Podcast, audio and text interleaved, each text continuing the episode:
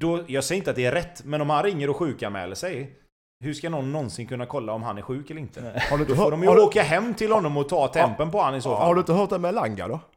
Han gjorde det sist, det var ändå träningsvägar, men han ringde och, och sa att han inte kunde träna. Han, de hade lite struligt i Malmö med då. Han ringde och sa att han inte kunde träna, för han var sjuk och hade mag, vet man, hade gamla klassiker, mag, eh, diarré. Ja. det ska man hålla sig bort. Sjuk och feber, diarré, hela skiten. Och det var ju redan struligt så att läkaren i Malmö åkte hem till honom, ringde på dörren och så kom hans eh, flickvän och fru öppna. Eh, Åh nej, eh, Josef är sjuk, han ligger och sover. och läkaren stövlade rakt in, jag tror till och med någon tränare och sånt var med. Och då låg han ju, Langa låg i sängen. Och så drar de av täcket och ligger han där i full kostym. Jag har festkläder på sig. Han hade han precis, det sägs det här, det sägs, jag har inte uh, kött på benen riktigt. Men det, det sägs att det är en, uh, att det är en sann historia. Kolla aldrig en bra story. Kolla aldrig en bra story.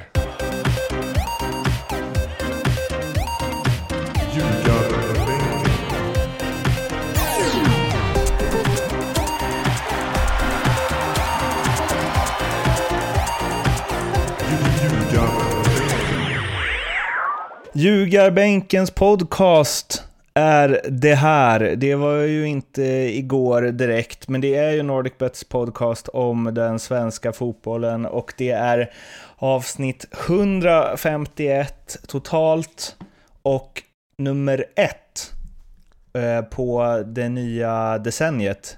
Mattias Lindström, hur har eh, det decenniet börjat för dig? Det började med eh, eh, 7 grader och eh, sol i mitt kära Helsingborg. Eh, som jag tyvärr fick lämna för att åka upp till eh, andra sidan åsen, där det alltid, andra sidan Hallandsåsen där det alltid regnar och blåser. Mm. Du, du befinner dig i eh, Ja, Göteborg med omnejd, eller med om, söder om Göteborg, hemma hos eh, vår nya poddmedlem. Så jag mår Ja. bra, tack. Ja, och eh, Tobbe Hysén då, du, vi introducerade ju dig i slutet av eh, 2019, men nu är det i första riktiga avsnittet. Eh, och jag drar till med en beprövad eh, sportfråga. Hur känns det? Det känns helt fantastiskt bra. Eh, framförallt då ha fått hjälp med allt det logistiska här med sladdar och datorer och mickar och allting av eh, Maestro Lindström här. Så att eh, vi, är, vi är klara kan man säga. Du hör, må, du Ja, hör ja, det, är få grejer, det är få grejer som gör mig så orolig som att eh, liksom Lindström har utvecklats till den här poddens tekniskt ansvarige.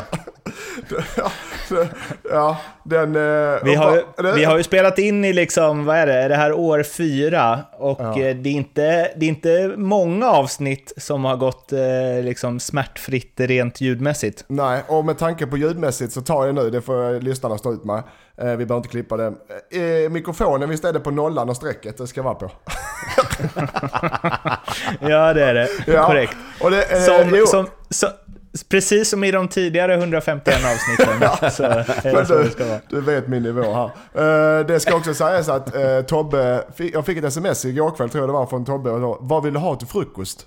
Jag tänkte vilken man det här är. Alltså. Och då beställde Mm. Ja, jag vad blev det då? eh, havregrynsgröt med socker och mjölk och inget annat. Mhm. Och det gjorde han med bravur. Och kaffe såklart. Han försökte, han försökte servera kaffet i en IFK Göteborgs-mugg till mig. Vilken jävla förnedringsgrej alltså. Va, men du nekade eller? Ja, såklart. Ja. Jag har ju vissa principer. Men jo, det ska sägas att när jag... eh, Är du nöjd med gröten Tobbe förresten? Eh, Jag äter Ja. ju inte gröt jätteofta själv, så det är nästan... eh, Vi får nästan ta den... Det berömmet som du gav räcker gott och väl för Ja. mig. Nej, Jag åt inte gröt, men så när jag flyttade till Danmark så fick jag Hamrén som tränare. Och då... eh, under tre års tid så åt jag gröt varje dag till frukost. Eh, eftersom Hamrén, Mm. eh, Erik, eh, tvingade oss på det. Vi vann också matcherna. Varenda morgon stod han nere i köket på träningsanläggningen klockan sju på morgonen och gjorde det så här stor militärgryta med gröt till eh, 40, 30-40 personer. Varje morgon det var träning gjorde han det. Och danskarna, är- det tänkte jag en dansk vet, som har druckit eh, kaffe och rökat cigg i 20 år ska börja sätta sig och äta havregrynsgröt på morgonen. Istället för wienerbröd och en gammeldansk. Men jag tror, jag tror jag vet var det kommer ifrån. Ja, Eh, det- jag, det- jag, Tobbe tror jag, har hört, jag tror jag har hört den historien förut och det började tror jag med att när Afonso och Paulinho kom till ÖIS, Ja. Mm. när Hamrén var tränare där, så eh, de käkade liksom inte frukost ordentligt. Jag vet inte om det är en brassegrej eller om det bara var de två. Så det slutade med att, tror jag, att Erik tog dit dem på morgonen till Öjsgården och gjorde gröt och typ frukost-ish Ja. till dem varje morgon för att de skulle få en bra start på dagen. Sen tror jag att det har fortsatt därifrån bara att han märkte att fan det här funkar, vi kör på detta. Ja. ja. Och det gjorde det, det funkade. Så därför är jag lite miljöskadad angående havregrynsgröt. Men, vi fan, fick det inget socker. Vi fick inte socker där alls, utan eh, då fick man ta lite kanel och, då, och då, då, det blev jag trött på. Men det där, det är ju eh, väldigt intressant för alltså, under hur många brassar det finns som, är, som egentligen, alltså, som har det, men som bara behöver lite gröt. för att ta nästa steg. Ja, ja. Alltså, Det är brassarna och Gunde. Och gud, det, Det kanske var det som Afonso, han fick ingen gröt där när han gick till Qatar 2009, för då började det gå ut för. Nej, då blir det bara deg. Men bara... Nej, Mårten, ska vi ta bort honom från podden direkt den här jäveln? Ja. Ja, ehm, vad, eh, vi, vi ska ju prata om... ehm, bra att vi börjar med eh, grötsnack, för vi ska ju prata om förberedelser och hur man eh, lägger upp det inför en säsong och så vidare. Men innan vi går in på, på det så måste vi avhandla Ja, det är väl min eh, favoritfrågeställning i hela världen, tror jag. Eh, som jag och eh, Lindström och diverse poddgäster genom åren har brottats med. Och det är ju huruvida, ehm, ja, det, här var ju det året som Falkenberg åkte ur, va? Eller låg i botten i alla fall, långa stunder av säsongen.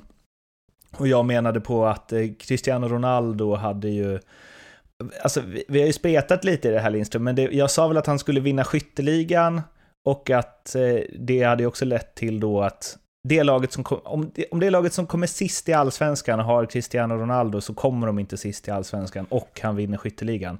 Och jag har väl också slängt ur mig att han skulle göra typ 30 mål va? Ja, men vi har väl diskuterat fram och tillbaka. Vi var också inne på att ett Falkenberg med Ronaldo i storslag, nuvarande Ronaldo, inte gamla, hade varit ett lag för över halvan var du inne på något, ett tag också. Nej, Det, det har jag aldrig sagt. Ja, men det, det har jag drömt i så fall. Alltså, men, det, jag mest, det, jag mest, det jag mest står för är ju att han hade gjort 30 mål i Falkenberg på en säsong. Och det tror ju inte du, och du har fått uppbackning på många, många håll och kanter. Och nu när vi har en ny medlem i den här podden så är det väl inte mer än rätt att eh, Ja, att Tobbe får liksom eh, vara avgörande i det här. Och du har ju gjort lite research i ämnet. Ja, alltså grejen är att min research bygger ju på att Falkenberg skulle vara ett lag för över halvan om Cristiano Ronaldo i sin prime spelade där. men det är ännu bättre. Eh, och jag vet inte, att de klarar sig kvar kan vi väl vara ganska överens om. Eh, att han vinner skytteligan, det tror jag också vi kan vara överens om. Om de däremot har hamnat på övre halvan, är jag inte lika säker på. Eh, för att om vi säger så här, nu har, jag ju, nu har jag ju nördat ner mig i det här för att börja bra. men, men om vi säger så här då, om vi tar Falkenberg förra året. Som kom på 13 plats med 25 poäng. De gjorde 25 mål och hade minus 37 i målskillnad. Om vi kastar in Ronaldo eh, i sin prime, och med prime då, det är ju väldigt... Eh, det, det blir ju en smaksak. Men om vi säger att han var i sin prime från han var 22 till han var 32. Eh, vilket är ganska rimligt att man är. Där i den primen då så spelade han eh, 337 seriematcher och gjorde 326 mål. Vilket avrundas uppåt till ett målsnitt. Vilket blir ungefär som du sa Mårten, han gör 30 mål i Allsvenskan. Vi säger det. Eh, vi kan kvitta, det blir ju en hypotetisk fråga, men vi kan kvitta att han spelar med bättre spelare i bättre lag kontra att han möter sämre spelare i sämre lag. Om du kvittar det rätt ut så säger vi att han gör 30 mål. Eh, då tror jag, efter en lite halvsunkig uträkning, att på fyra uddamålsförluster och sju kryss som Falkenberg hade förra året. Så säger vi att de tar 11 poäng till. Om han gör sina 30 mål. Det ger oss ungefär mellan 45 och 50 mål och minus 14 i målskillnad. 45 till 50 mål gör att de gör ungefär lika mycket mål som Häcken, Blåvitt, Elfsborg som kom 6, 7, 8. Men målskillnaden i sig gör att de hamnar runt Örebro som kom 9 och Sirius som kom 11. Vilket då gör att slutsatsen blir, det är på håret, men jag tror inte att Cristiano Ronaldo gör att Falkenberg hamnar på övre halvan. Utan jag skulle säga att de hamnar någonstans runt 9-10. Lindström, Ja, jag men- känner ju att jag känner ju att du har liksom vänt på det här lite, lite. För det, det jag mest slagits för är ju att han lätt hade gjort 30 mål. Ja. Men lyssna Och här. att han... Ja. Ja, och det menar ju Tobbe då på en statistik från La Liga då. Där han har eh, eh, världens bästa Men spelare. åh, jag blir, jag blir redan, Ja, men lyssna. jag blir Ja, men redan lyssna, irriterad. också. Men det är lyssna klart här. att... Lys, ja, men lyssna här. Om vi hade haft... Okej, eh, vi vänta, pratade- vänta, jag ska lyssna. Jag, jag ska Ja. bara säga en sak innan Ja, jag lyssnar. ja. Det är självklart att Cristiano Ronaldo i sin prime gör 30 mål i Falkenberg på 30 allsvenska matcher. Att vi ens diskuterade. Ah, ja, fortsätt. Men, ja, okej, men det vi pratar om, för nu blev Tobbe inkastad i, eh, kanske inte riktigt uppdaterad, för han har gjort, han har inte på min sida menar jag. men, men att Falkenberg, det var 2016 vi pratade om, då trillade Falkenberg ut på 10 poäng sammanlagt och minus 59 i målskillnad. Det laget, hade han gjort 30 mål i det laget? Det är det som frågan var. De förlorade sista matchen mot Häcken med 7-0. De var inte Lätt. över mitten. Hur fan ska han kunna göra mål om han inte är på motståndarens planhalva? Det är inte så jävla lätt. Sluta! Stefan Rodevåg gör liksom 10 i Allsvenskan. Det är klart att Cristiano Ronaldo gör 30. Alltså vadå, hälften okej. på straffar Ja, okej, och frisparkar Vi, och sen vi, jag gör 15 så, till. vi gör så här då. Jag köper att han har gjort 30 mål i Allsvenskan. Det köper jag. Men hade han hållit Kalmar, äh, Falkenberg kvar 2016 när de tog 10 poäng? Det hade Ja, väl räckt med 30 baljor till för att hålla kvar dem? Det, nu har ju inte jag kollat på den säsongen just. Men, eh, men jag tror att... de hade minus 59 målskillnad. Nej, så det hade det inte. Nej, på, ja, nej, det beror ju på. Säg att han hade gett dem 11-12 poäng till då. Nej. Hade de klarat sig på 22-23 poäng? Lagen som klarade sig hade 29 poäng och de hade 10 poäng. De hade 30 poäng, så de hade 20 poäng upp Eh, Vi sig. har, en, eh, vi har en fortsättning på det här Tobbe, om du vill... eh, Ja, vi kan ju gå igenom Falkenbergs alla jävla år.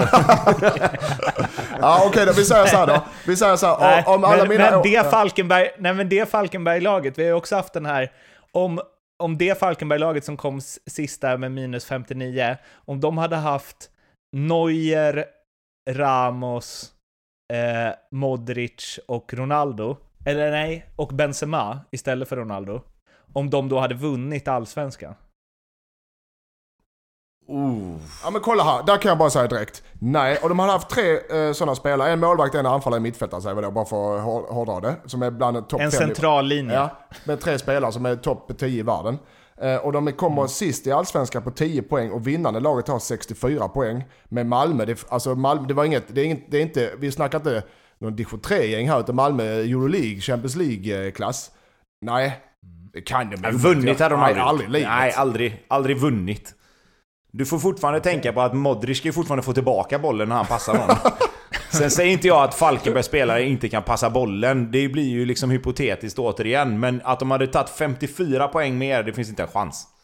Men om vi säger så här då. Det är fortfarande sju andra spelare på plan som faktiskt Mm. inte var allsvensk klass just det året.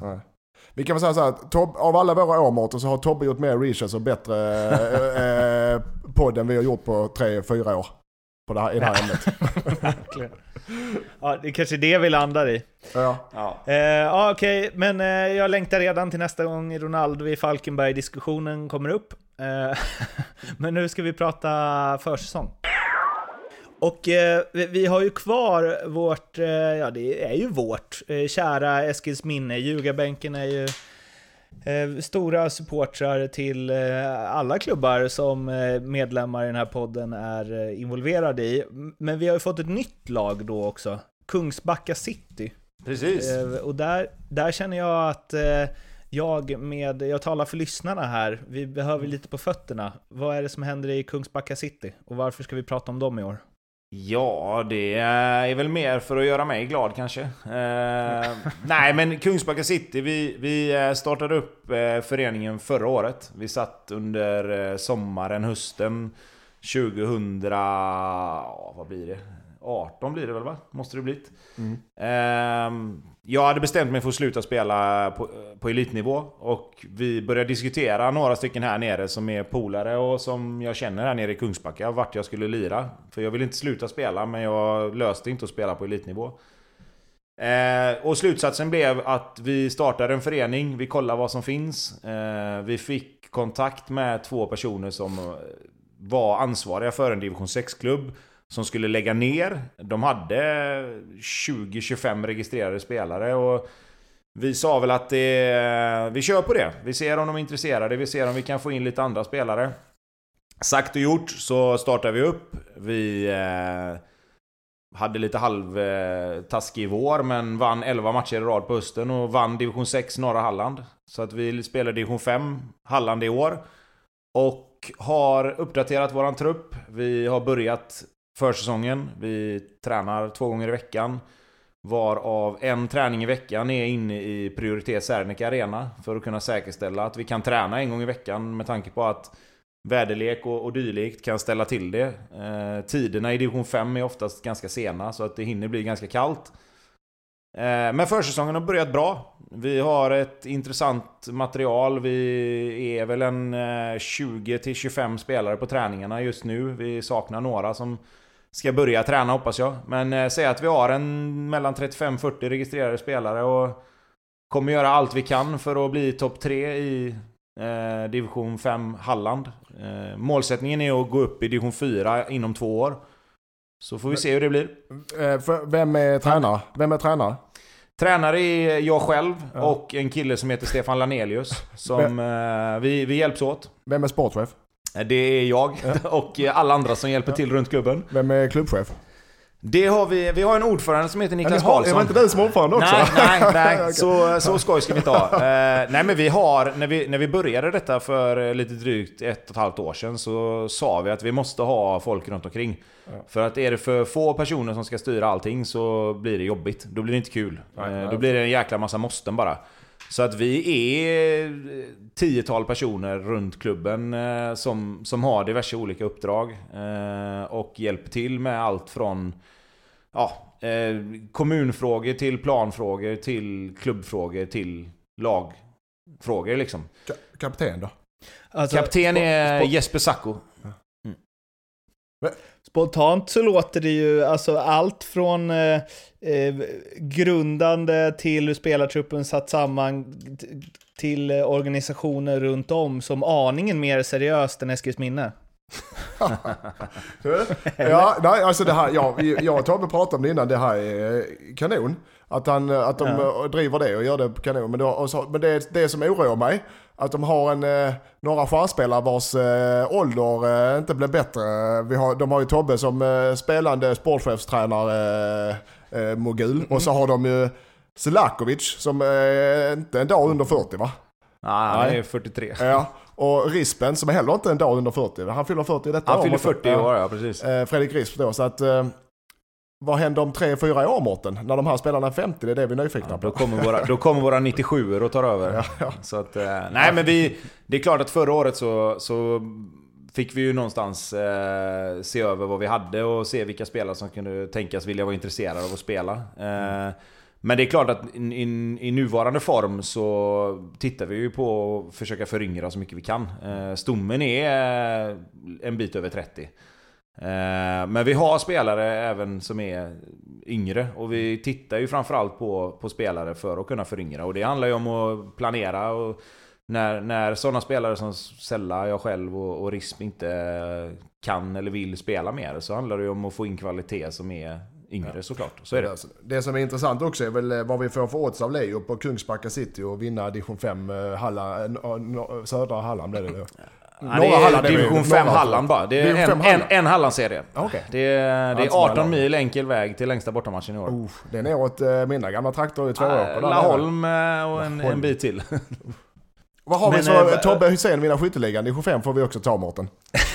ja, verkligen. Det var dit jag ville lite. Vad, alltså, hur många baljor gjorde du i fjol? 17.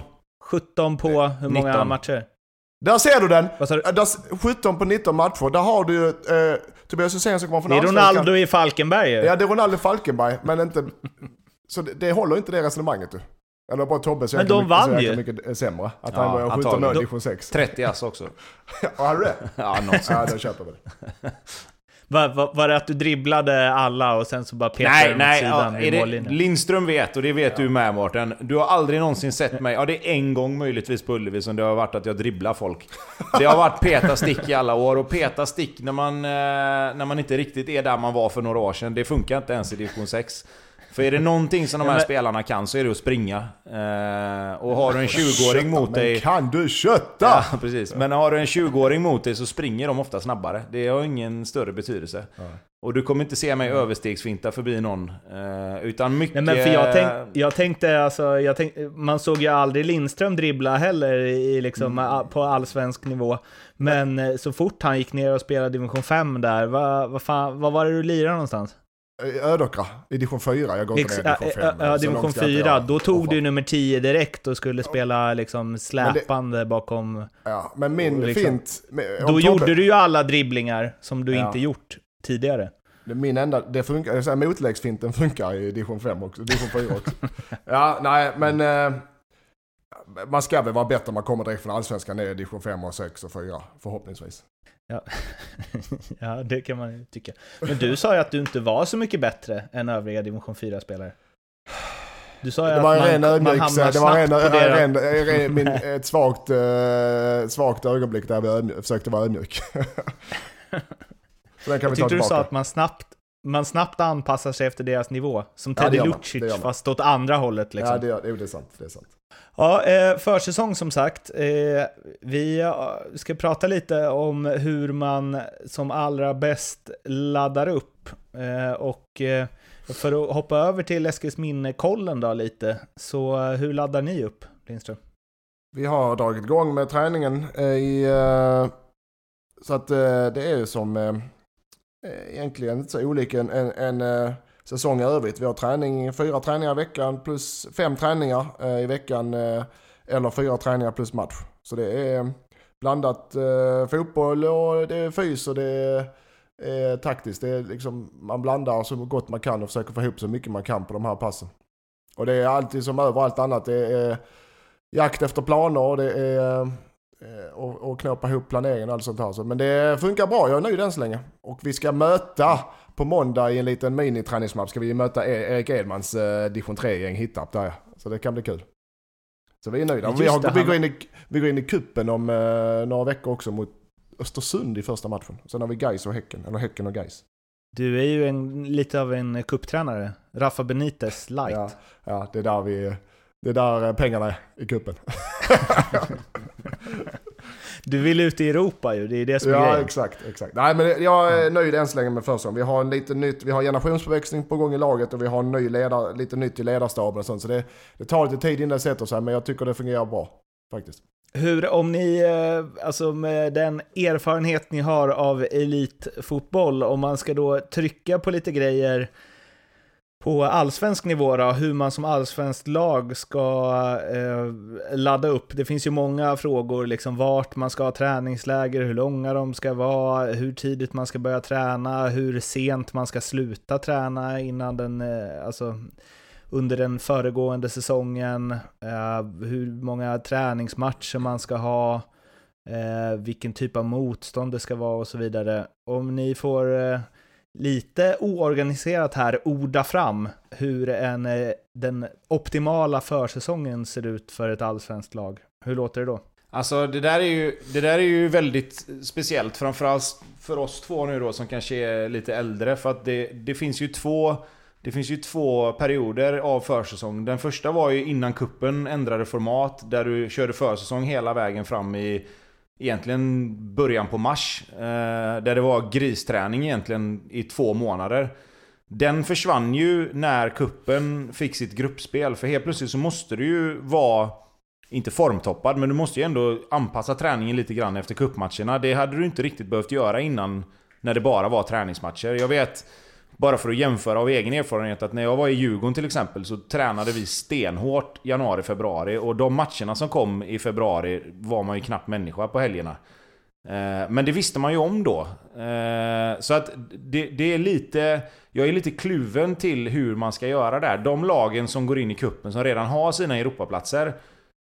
Där tycker jag att man ska anpassa sig lite grann efter var man befinner sig. Det finns lag som kan vinna kuppen och det finns lag som kanske inte kan vinna kuppen. Eh, frågan är hur mycket du ska anpassa dig egentligen då. Men om man ska titta på motstånd så är det ju oftast så här tycker jag att man tränar ofta försvarsspel i början på försäsongen för det är enklare när man är lite nedtränad.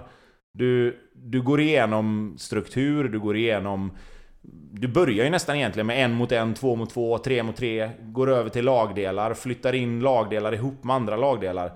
Så att varför inte spela mot lag då där du får försvara dig i början på försäsongen? När du ändå tränar det. Och sen när du börjar köra lite mer explosiv styrka, du börjar lätta på träningen lite.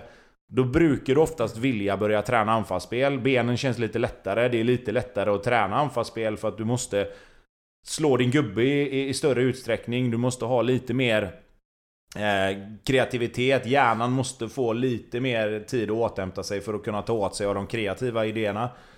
Då tycker jag man kan börja spela mot lag där du faktiskt har chansen att spela ditt eget spel. Kanske ha lite mer bollinnehav, beroende på givetvis vad du har för spelidé och hur du vill spela. Men, men eh, överlag så tycker jag att man kan inte bara spela träningsmatcher mot lag som är antingen bättre eller sämre. Utan det måste finnas en tanke där också lite. Och där tror jag det finns att hämta hos många allsvenska lag. Att man har en lite mer röd tråd i hur du väljer dina träningsmatcher. Eh, sen är det svårt. Det ska finnas tillgängligt. Det ska vara Dels tillgängligt, alltså rent lagmässigt, att det finns lag som vill spela mot dig och även givetvis eh, att, att du liksom har en idé om att du ska slippa åka överallt för att spela. För det måste finnas en balans i hemma och bortamatcher också. Men, men där, har vi, där har vi en grej som jag tycker att man kan bli bättre på. Ja, där är också... Vi, Eskil, vi försöker ju få lokala Uh, vet, vi har Ängelholm och vi har uh, Landskrona och vi har Trelleborg och sådana lag i närheten. Så det är inga problem för oss. Inga långa resor, lag på hyfsat samma nivå men inte för många för samma serie. Men jag vet att många, du berättade att ni var nere med Göteborg i Esbjerg, var det, något, var det Esbjerg något år? Nej? Eh, nej vi, vi har ju mött, för det mesta möter du ju danska, norska lag. Ja. Alltså när du spelar Eh, alltså antingen hemma eller borta eller vad man säger. Ja. Men, men vi har ju varit, eh, vi har ju varit på, på, många olika ställen. Fördelen Göteborg och Blåvitt har är att många vill ju möta Blåvitt. Alltså ja. har varit så genom åren. Så att vi har ju fått väldigt mycket hemmamatcher. Mm. Men, men samtidigt, vi var i december var vi och mötte Odense till mm. exempel. Det var HIF igår. Det har, den, den är de varje år, jag förstår inte den. Nej men det, det finns ja, det väl... December, det finns ja. väl ja, ja, men vi var i december och mötte Odense. Men då var det liksom så att vi tränade ändå i december. Odense skulle spela match mot, jag tror det var Stuttgart i Europa League. Deras mm. sista match som var ganska viktig. Och då behövde de en träningsmatch för allt annat var, var liksom nedlagt. Mm. Och så frågade de då, då tittar de ju givetvis, vilka lag i Sverige tränar fortfarande? Vilka skulle kunna ställa upp mm. en match? Och vi åkte och spelade den matchen. Eh, med facit i hand, fine. Vi, vi åkte dit, spelade matchen, drack bärs på bussen hem och sen mm. tog ledigt liksom. Men det är klart att det finns det finns ju för och nackdelar med allting. Mm. Eh, det, det jag fortsätter att återkomma till, det är att det du tränar på under försäsongen, det finns en helhet absolut. Men den helheten är uppbyggd under två, tre månader innan serien börjar. Kuppen är en del i det. Kuppen är än mer viktig nu än vad de var förut kanske. Med tanke på att det blir en försäsongsdel i det. Men jag tycker fortfarande att du måste välja motstånd efter det du faktiskt tränar på under vissa perioder i försäsongen. Och där tror jag inte riktigt att man är än. Nej. Men nej, men jag håller med dig. Så gör man ju med utomlands. Och tränar du anfallsspel, ja då kanske du möter ett lag från, som är bättre. Vi, är du på, eh, eller tränar försvarsspel, tränar du anfallsspel då kanske du ska möta ett, ett allsvenskt lag kanske ska möta ett division 3 Eh, division 2 ja, division 2 ja. Så du får nöta, nöta, nöta och där, där kan man anpassa mer ja.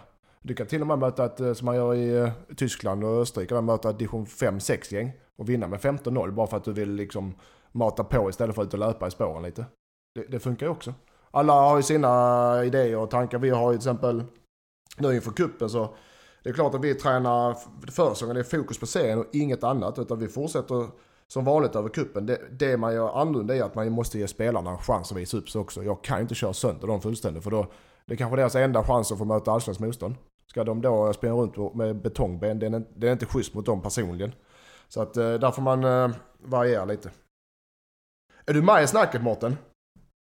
Alltså jag lyssnar mer än någonsin skulle jag säga. det här är otroligt. Jag har liksom lutat mig tillbaka händerna bakom huvudet fötterna på pall och bara suger in all info. Men eh, en eh, fnulning kring det här, alltså eh, du beskrev Tobbe att, ja men hur man ska lägga upp för att ha fräscha ben vid vissa tillfällen och att man är nedtränad vid vissa och så. Alltså som typ när Malmö, som de ju gjort nu, gått vidare till Europa Leagues slutspel och som de gjorde även i fjol när de Eh, ställdes mot Chelsea och man pratar om så här hur, hur mycket eh, ja, men hur inne i säsongen man är. Oftast är det ju tvärtom när svenska lag möter eh, för det brukar ofta vara kval till Europaspel då liksom de utländska ligorna inte dragit igång än och att svenska lag då har en fördel. Nu var det ju eh, så att Chelseas säsong var i full blom medan Malmö hade ja, avslutat allsvenskan eh, två månader tidigare och hade väl eh, hyfsat lång tid till allsvenskan skulle dra igång. Det var väl typ två månader där också. Hur mycket påverkar det? Alltså hur mycket hur mycket bättre är man när man är i säsong än vad man är eh, två månader innan säsong? Det som man framförallt inte riktigt har på plats, det är väl kanske timing och, och lite... Alltså, touch på bollen och sånt får du tillbaka ganska snabbt genom att träna, men just i matchsituationer och sådär så är det ju så är det svårare. Sen kan jag tycka ibland att vissa försäsongsmatcher, om du... Där har ju Malmö en fördel. De, de har ju gjort detta lite. De, de vet ju på ett ungefär hur de ska lägga upp sin träning och hur de ska balansera det här med försäsong kontra att gå in i Europa. För att kunna komma så väl förberedda som möjligt till de här Europamatcherna.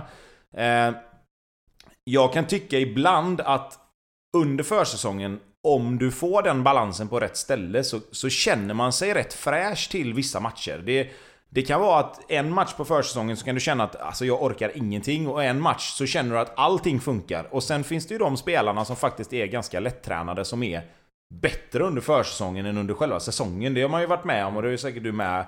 Framförallt många unga spelare som kom upp som är übertaggade i början. Precis, och som inte riktigt har lärt sig att liksom se till att man är fräsch och liksom redo till själva säsongen börjar. Utan de går all in med en gång mm. och så är de som bäst i februari-mars och sen så blir det inte så mycket mer.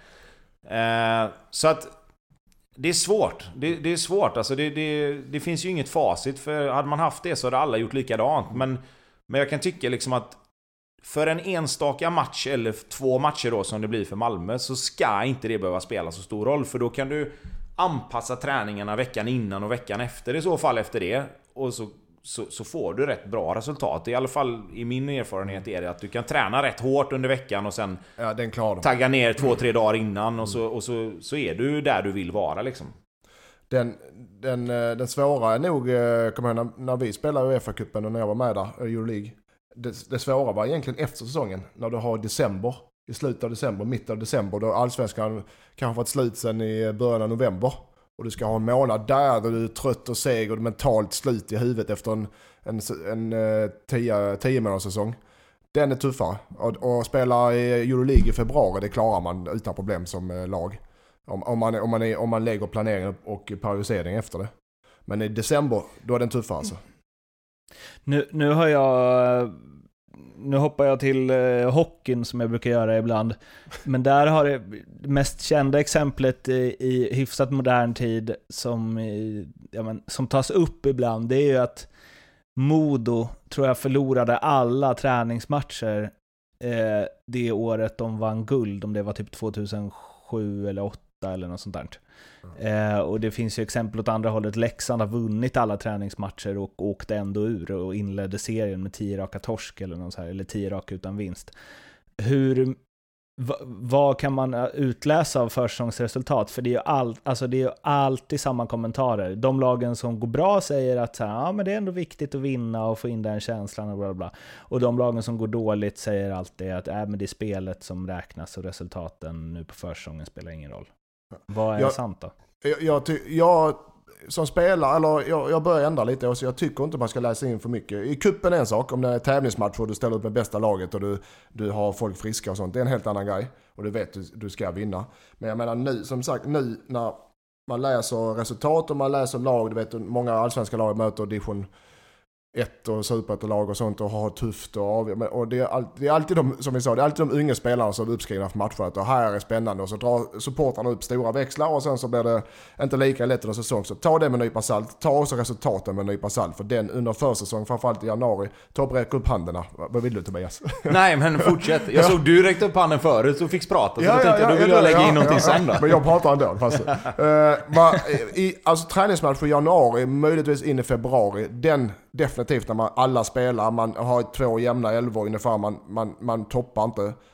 Och du möter ett lag som är mer taggat och antagligen inte lika nedtränat. Den ska man ta definitivt med en nypa salt. När det börjar närma sig serien, genrep, ett, eh, genrep är också en klassiker, men några veckor innan serien, ja, då, då får man se när laget formas och man ska se hur strukturen är och man ska se det taktiska och man ska se att okej, det här funkar, det här funkar inte. Då kan man börja bli orolig och börja bli glad, men inte innan, inte innan tre veckor innan eh, serien. Inte lönt tycker jag. Alltså, bara för att bygga vidare på det så tycker jag så här att det, det jag kan sakna lite grann, man märker det när man hamnar vid sidan lite, det är att det måste finnas en plan med varje träningsmatch. Vad Ja, är idén med just den här matchen? Vi är inne i den här perioden i försäsongen. Vi tränar på det här.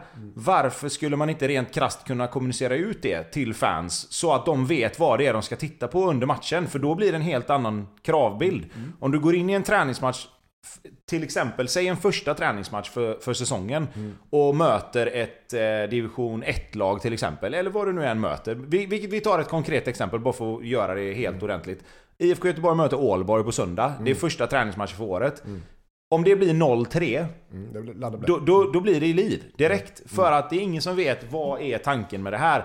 Tanken är aldrig att förlora. Det, det är liksom... Nej, det kan är vi- det kan vi vara det kan vi vara överens om. Men det kan finnas, det kan finnas, eh, det kan finnas omständigheter som gör att man förlorar med 3-0.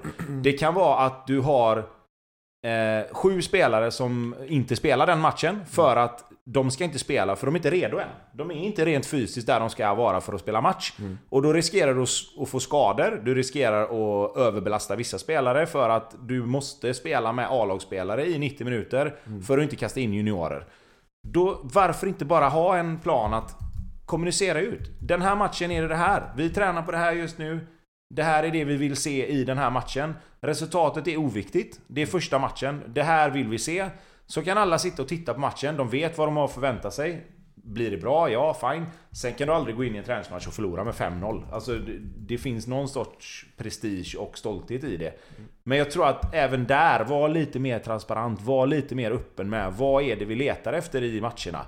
Och sen som Lindström säger, ju närmare serien du kommer, desto mer måste helheten sitta ihop. Desto mer måste du se en röd tråd i träning kontra matcher. Och du måste få spelarna som ska vara duktiga, måste någonstans steppa upp ju längre försäsongen går. Men jag tror att det, det blir så mycket enklare, framförallt för de stora klubbarna med mycket fans, att vara lite mer öppna med vad det är som faktiskt eftersträvas. Ja, jag, jag är med där. Jag, jag vet att Hammarby gjorde så. De mötte ju under en stängd match nu. Mötte en Linköping, division 1-gäng. För någon vecka sedan, några dagar sedan. Och vann med 1-0. Det är säkert de fick slita säkert. Och det, Billborn gick ut med att det enda prestationen, eller resultatet var oviktigt. Eh, prestationen i sig var vi egentligen inte lika viktig. Utan vi ville ha en fysisk, fysisk genomkör. Fine, då vet vi det. Att det är skitsamma vad resultatet blir så länge de är bättre än att springa ut i slingan. Precis. Det handlar om att träna på att spela match. Så, ja. Eh, så där har du det Mårten. Att eh, mer transparent inom klubbarna. Att denna träningsmatchen har vi sju juniorer som ska få chansen. Vi möter ett lag som är mitt uppe i seriespel. Eh, så att, eh, ja ungefär. Vi förlorar inte med vilja men eh, det kan bli tufft. Ungefär något sånt liknande, lite lättare för supportarna att förstå att det är träningsmatch av en anledning. Ja, man, man, behöver inte säga, man behöver inte säga att Nej, man ska- resultatet är nej. oviktigt, men Nej. du kan, du kan trycka på saker som du hellre vill se. Ja. Idag vill vi se spelarna, att de förstår själva spelidén. Vi vill se positionsspelet sitta ihop, vi vill se att försvararna jobbar ihop, snackar med varandra. Våra yttrar har vi tränat på det här, det här vill vi se från dem idag. Vi vill se djupledslöpningar, eller tvärtom, vi vill se att de kommer in i banan och hjälper forwards, understödjer. Vi har tränat på fasta situationer. Idag, varje fast situation så ska vi lägga ner bollen, ta tid på oss. Vi vill se att strukturen finns där. Prestationen, ja. Absolut. Finns den där? Visst. Men i början på februari, slutet på januari så är inte det det viktiga. Och så vidare och så vidare. För, för att när man, nu sitter du, när man har gruppen är medveten om vad som gäller. Eller? Eftersom Man Absolut. säger, som Ja, tränare säger man det. här, det här ska vi ha denna matchen. Men så jag håller med dig där att det är ingen annan som vet om det och då blir det lätt att det, det, folk drar egna slutsatser. Vad i helvete gör de inte så? För? Nej, för att vi kanske inte ska göra den här matchen. Vi ska göra det här istället. Mm. Ja, mer transparens. Är du med på det Mårten? Är det alltid bättre att vinna alla matcher på försäsongen än att förlora alla matcher på försäsongen? Är det de två valen som finns? ja, jag är på ja. Det, jag är fortfarande där än så länge och förhoppningsvis alltid. Ja, det är bättre att vinna. Givetvis. Du skapar ju ändå en vinnarmentalitet och även om du är trött och även om du tränar på saker. Är det 85 minuter när du står 1-0, då... Det handlar om att träna på att försvara en ledning också, tycker jag. Det Ja. kan man alltid göra. Vinna, vin, vinna ska man göra. Annars så kan vi spela badminton med, med skolbarn. Vilket, ja, fin stängning av diskussionen. Det har ju varit eh, silly season som sig bör eh, under januari framför allt och det var lite det var lite svalt där ett tag, men sen så kom det någon vecka då det smällde till rejält och det var eh, drogs igång en hel del rykten, det landade några övergångar och eh, ja, sen vi pratade sist har det, ju, har det ju hänt en del trots allt. Vi ska börja med att eh, ni ska få eh, ranka topp tre mest, eh, ja, det blir väl någon, någon form bästa slash mest spännande nyförvärven eh, som har skett eh, hittills den 23 januari som vi spelar in. Och ja, den som känner sig manad att eh, ta till orda får göra det. Ja, Okej, ja, nu... Jag pekar på Tobbe. Ja, eller hur? Han, han slängde över den på mig här. Eh, det är ju... Det är svårt att ranka, tycker jag. Liksom, det här kommer bli bra, det här kommer bli mindre bra. Men som du säger, spännande värvningar finns det ju. Det finns ju ganska många dessutom. Framförallt så är det ju... Det är ju en hel del namn som har eh, dykt upp som jag tror kan bli jävligt intressant. Den givna är givetvis Isak Kiese Thelin till Malmö på lån. Eh, hur mycket mål gör han? Eh, Vi har haft eh, en diskussion om det innan. Jag tror ju, om jag ska titta på Isak Kiese Thelin, att hans spelstil innan i Allsvenskan har ju inte genererat i 20 mål på en säsong. Utan han har ju varit jäkligt nyttig i själva spelet. Han har varit viktig i en speluppbyggnad med sin storlek, med sitt targetspel. Och sen har väl kanske de andra spelarna runt omkring honom gjort målen i, i större utsträckning. Han har, Eh, han har, I Allsvenskan har han eh, under en hel säsong nu eh, med Norrköping 2013, nej, Malmö 2014 gjorde han fem mål. De spelade inte så mycket. 2013 gjorde han fyra mål. Så Ja. det är inga supermålskytt, nej. Nej, och det är det jag menar. Och jag vet inte om Malmö nöjer sig med det nu. Eh, om vi ska vara ärliga. Så jag, jag tror att pressen på honom att göra lite fler mål, den finns nog där nu. Mm. Eh, sen är det ju som alltid, om någon annan som spelar bredvid honom gör målen och han är en länkspelare. Om han eh, ser till att få spelet att flyta på ett sätt som, som gör att Malmös spel fungerar i övrigt så, så är det inte lika viktigt. Men jag tror ändå att han måste upp på en 10 mål i alla fall för att det ska vara okej. Och då snackar vi om att snittar över en hel säsong. Nu blir det ju en hypotetisk fråga. Jag har inte 100% koll på hans låneavtal. Om det är hela säsongen eller om det är fram till sommaren i första hand. Men, eh, men över en hel säsong så behöver han nog göra 10 mål plus för att, för att det ska vara helt godkänt. Gör han det då? 10 mål. Han gör det exakt 10 mål. Han hamnar där plus minus ett eller två, tror jag. Ja. Om han spelar 30 Men är matcher inte- givetvis. Men är inte han en spelare, alltså Eh, Rosenberg uttalade sig väl om att han, det var den han gillade mest att spela bredvid för att han ja, men, drar på sig mycket uppmärksamhet, bra på att låsa fast bollar och så vidare. Men då skulle jag ändå säga att eh, Mackan som Mackan var i MFF, det vill säga han gick ju ifrån lite att så här, vara djup, djupledslöpande och blev mer en, eh, men han blev också någon form, alltså så här, uppspelspunkt. Alltså de spelarna som Malmö har bredvid eh, Kiese Thelin, tänker kanske framförallt på Antonsson, passar ju bättre, tänker jag, egentligen med honom än vad Rosenberg gör. Även om de passade bra. Men så här spelstilsmässigt så kan Antonsson kan väl knappast ha någon, någon mer passande spelartyp bredvid sig.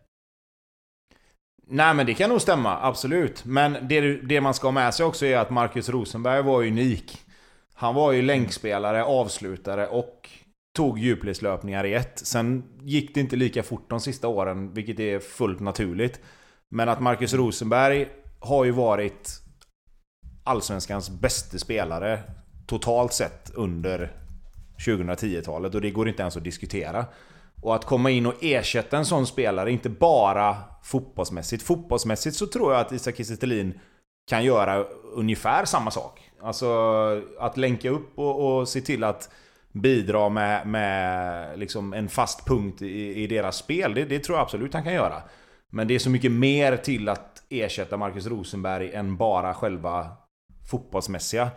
Eh, mm. Det kommer vara helt andra krav på en sån som Kiese att göra det som, som Marcus Rosenberg gjorde eftersom allting kommer jämföras med innan och efter Rosenberg. Eh, och där är det inte helt lätt. Men om Antonsson, alltså jag tänker mig att Kestelin, jag, vet, jag är inte så säker på att jag tror att han gör 10 mål. Men jag tror att, ja men typ Antonsson kommer göra fler mål med Thelin bredvid sig än med... Den, den, den tror jag mer, den tror jag mer att, uh, uh, att uh, jag tror du är på ett litet spår där Mårten, att Antonsson kan nog få mer plats och, och, och glänsa i det här fallet. Jag tror mer på Thelin också, det är en duktig spelare. Men han har ju precis som många spelare, Haksabanovic kommer och eh, kommer hem, alltså det, som kommer från en, en tid där de har spelat skralt. Han har inte spelat mycket på sista tiden. Alltså vi snackar tre fyra år tillbaka. Det är väldigt hackigt i, i klubb, många, många klubbyte, utlåningar, lite speltid. Alltså, även om han är i full träning och inte skadad sånt, det tar tid att komma igång. Det tar tid att komma igång. Jag, fortfarande som Tellin, nu är det Malmö där hö, kraven är höga, men han, han behöver startsträcka i Allsvenskan alltså. Som, som alla spelare behöver. Så att jag, tror, jag tror inte han kommer upp på 10 mål. Jag tror han, eh, det kan ta lite längre tid än man tror i hans fall. Sen är han en duktig spelare. Definitivt. Men, men han, behöver, han behöver spela, han behöver lugn och ro. Så kan han bli bra. Men får nu ha lite tålamod. Han bankade väl i för, han bankade väl i och för sig in 16 mål i belgiska ligan för eh, alltså en säsong tillbaka. Eller? Ja, men var det belgiska, med Vassilan Beveren ja. Men, ja, precis. Ja, han gjorde det. Ja, exakt. Men sen har, alltså det är hackigt ändå. Det är många klubbyte och få, få. Det är den säsongen han har gjort bra. Det har han gjort jävligt bra.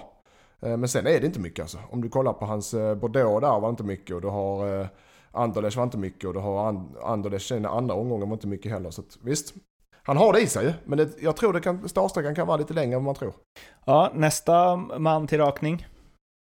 Eh, ska jag sticka in, in med en då? Då tar jag Kalle Holmberg då, eftersom jag... Eh, som mm. en kanonvarvning. Kalle. Har, har, har, du med det på din också? Absolut. Ja. Eh, men... Eh, nej, men han, han har... Kalle Holmberg vet vi, en duktig spelare. Han har haft det lite knackligt i Peking. Eh, men eh, i rätt miljö som jag tror Djurgården sätter att spela i. så tror han, och under... vad heter han? Tolle. Thomas Lagerlöf. Och Kim så kan han blomma ut där. Så jag tror Eh, som många andra att det är en eh, kanonvarvning av Superbosse. Superbo. Eh, där tror jag däremot att det kan bli lite mål faktiskt av Kalle Holmbergs sida. Jag tror han är, det är en spelare som jag kommer göra över 10 mål i, i Djurgården. Uh, 99% säker. Ja, det kan han nog göra. Det, det som jag tror Kalle Holmberg framförallt kommer att ha nytta av i Djurgården är att han är en typisk Djurgårdsspelare så som de spelar nu. Ja, han jobbar hårt, springer mycket. Inte orädd för att kasta sig in i situationer. Han offrar sig in i straffområdet. Mm. Djurgården har duktiga kantspelare som kastar in bollar i straffområdet framförallt. Och jag tror att eh, han kommer passa in bra där. Sen 10 mål är inte aslätt att göra i Allsvenskan. Det ska man ha med sig. I år, ja. de som var riktigt, riktigt bra, vad hamnade vi på till slut? 14-15, eller hur? Och 10 mål då är inte, inte så illa pinkat liksom. Men, men eh, visst, en, en bra säsong och om man spelar alla matcher. Men då ska man komma ihåg att de har Kujovic också. Ja, och men, det är inte säkert att han spelar alla matcher. Nej, det är det inte. Att, men, men, eh, så som Djurgården eh, ska spela, och de fortsätter, eftersom de har samma tränare, kommer att vinnande koncept. Så att Turay borta. Så Holmberg är en direkt ersättare till Turay Och så, ungefär samma, vet, springer mycket i djupled, är in i boxen, är som du sa, offrar över sig. Så jag tror att, där är han bara frisk så kommer han spela. Du tror att de har tagit in honom som ny etta liksom? Ja, Kujovic får samma roll som det tror jag. i höstas? Det tror jag. Ja. Utan att varit på och spionerat på träningarna. Så tror jag det. Ja, spela, Om man är jag säger återigen då, spelar Kalle Holmberg 30 matcher så tror jag han gör 30 mål. Ja. Eh, 10, 10 mål, förlåt. det är inte Ronaldo. Nej. Han är ganska flexibel också. Han kan ju spela lite, alltså de kan ju använda honom på lite olika sätt. Även om jag tycker han är bäst som striker så är han ju, han kan ju lira liksom på en kant eller lite tillbakadraget också. Ja, men det där, är jag lite, det där är jag lite allergisk mot också när du kommer som ny till en klubb och så ska du börja hoppa runt för att de ska testa dig på olika positioner. Då tar det ännu längre tid att komma in i, i, rätt, i rätt form liksom. Du ska in, har de köpt han som forward så spelar han som forward. Och är han inte tillräckligt bra så får du sätta han på bänken. Inte börja experimentera och spela honom vänster eller höger. Visst, får du skador och sånt där eller om du vill på något sätt ändra spelidé eller ändra bara för att kunna variera det lite så absolut. Men det kommer ta längre tid för Kalle Holmberg att bli en bra spelare för Djurgården om de ska börja använda honom på olika positioner. Så det tycker jag i alla fall. Namn nummer tre. Ja, jag velade lite grann beroende på om du ska välja spelarkvalitet eller vem som kan vara viktigast för respektive lag. Men jag eh, landar ändå någonstans i att AIK har fått in sin tredje länk på mitten nu. Eh, med Adu och Sebastian Larsson sen innan, att få in och få det där också. Om han är någorlunda i den kvaliteten som han var när han lämnade så har ju AIK en tremanna uppsättning på mitten där som inte går av för Racke just nu. Eh, sen kanske Adu och Fori är lite för lika. Eh, Men... men sägs är på väg bort. Jag vet inte var och hur han är, men då, då det. är vi inne på en annan grej. Men, men som det ser ut precis just nu idag så har de Adu och Fori och Sebastian Larsson.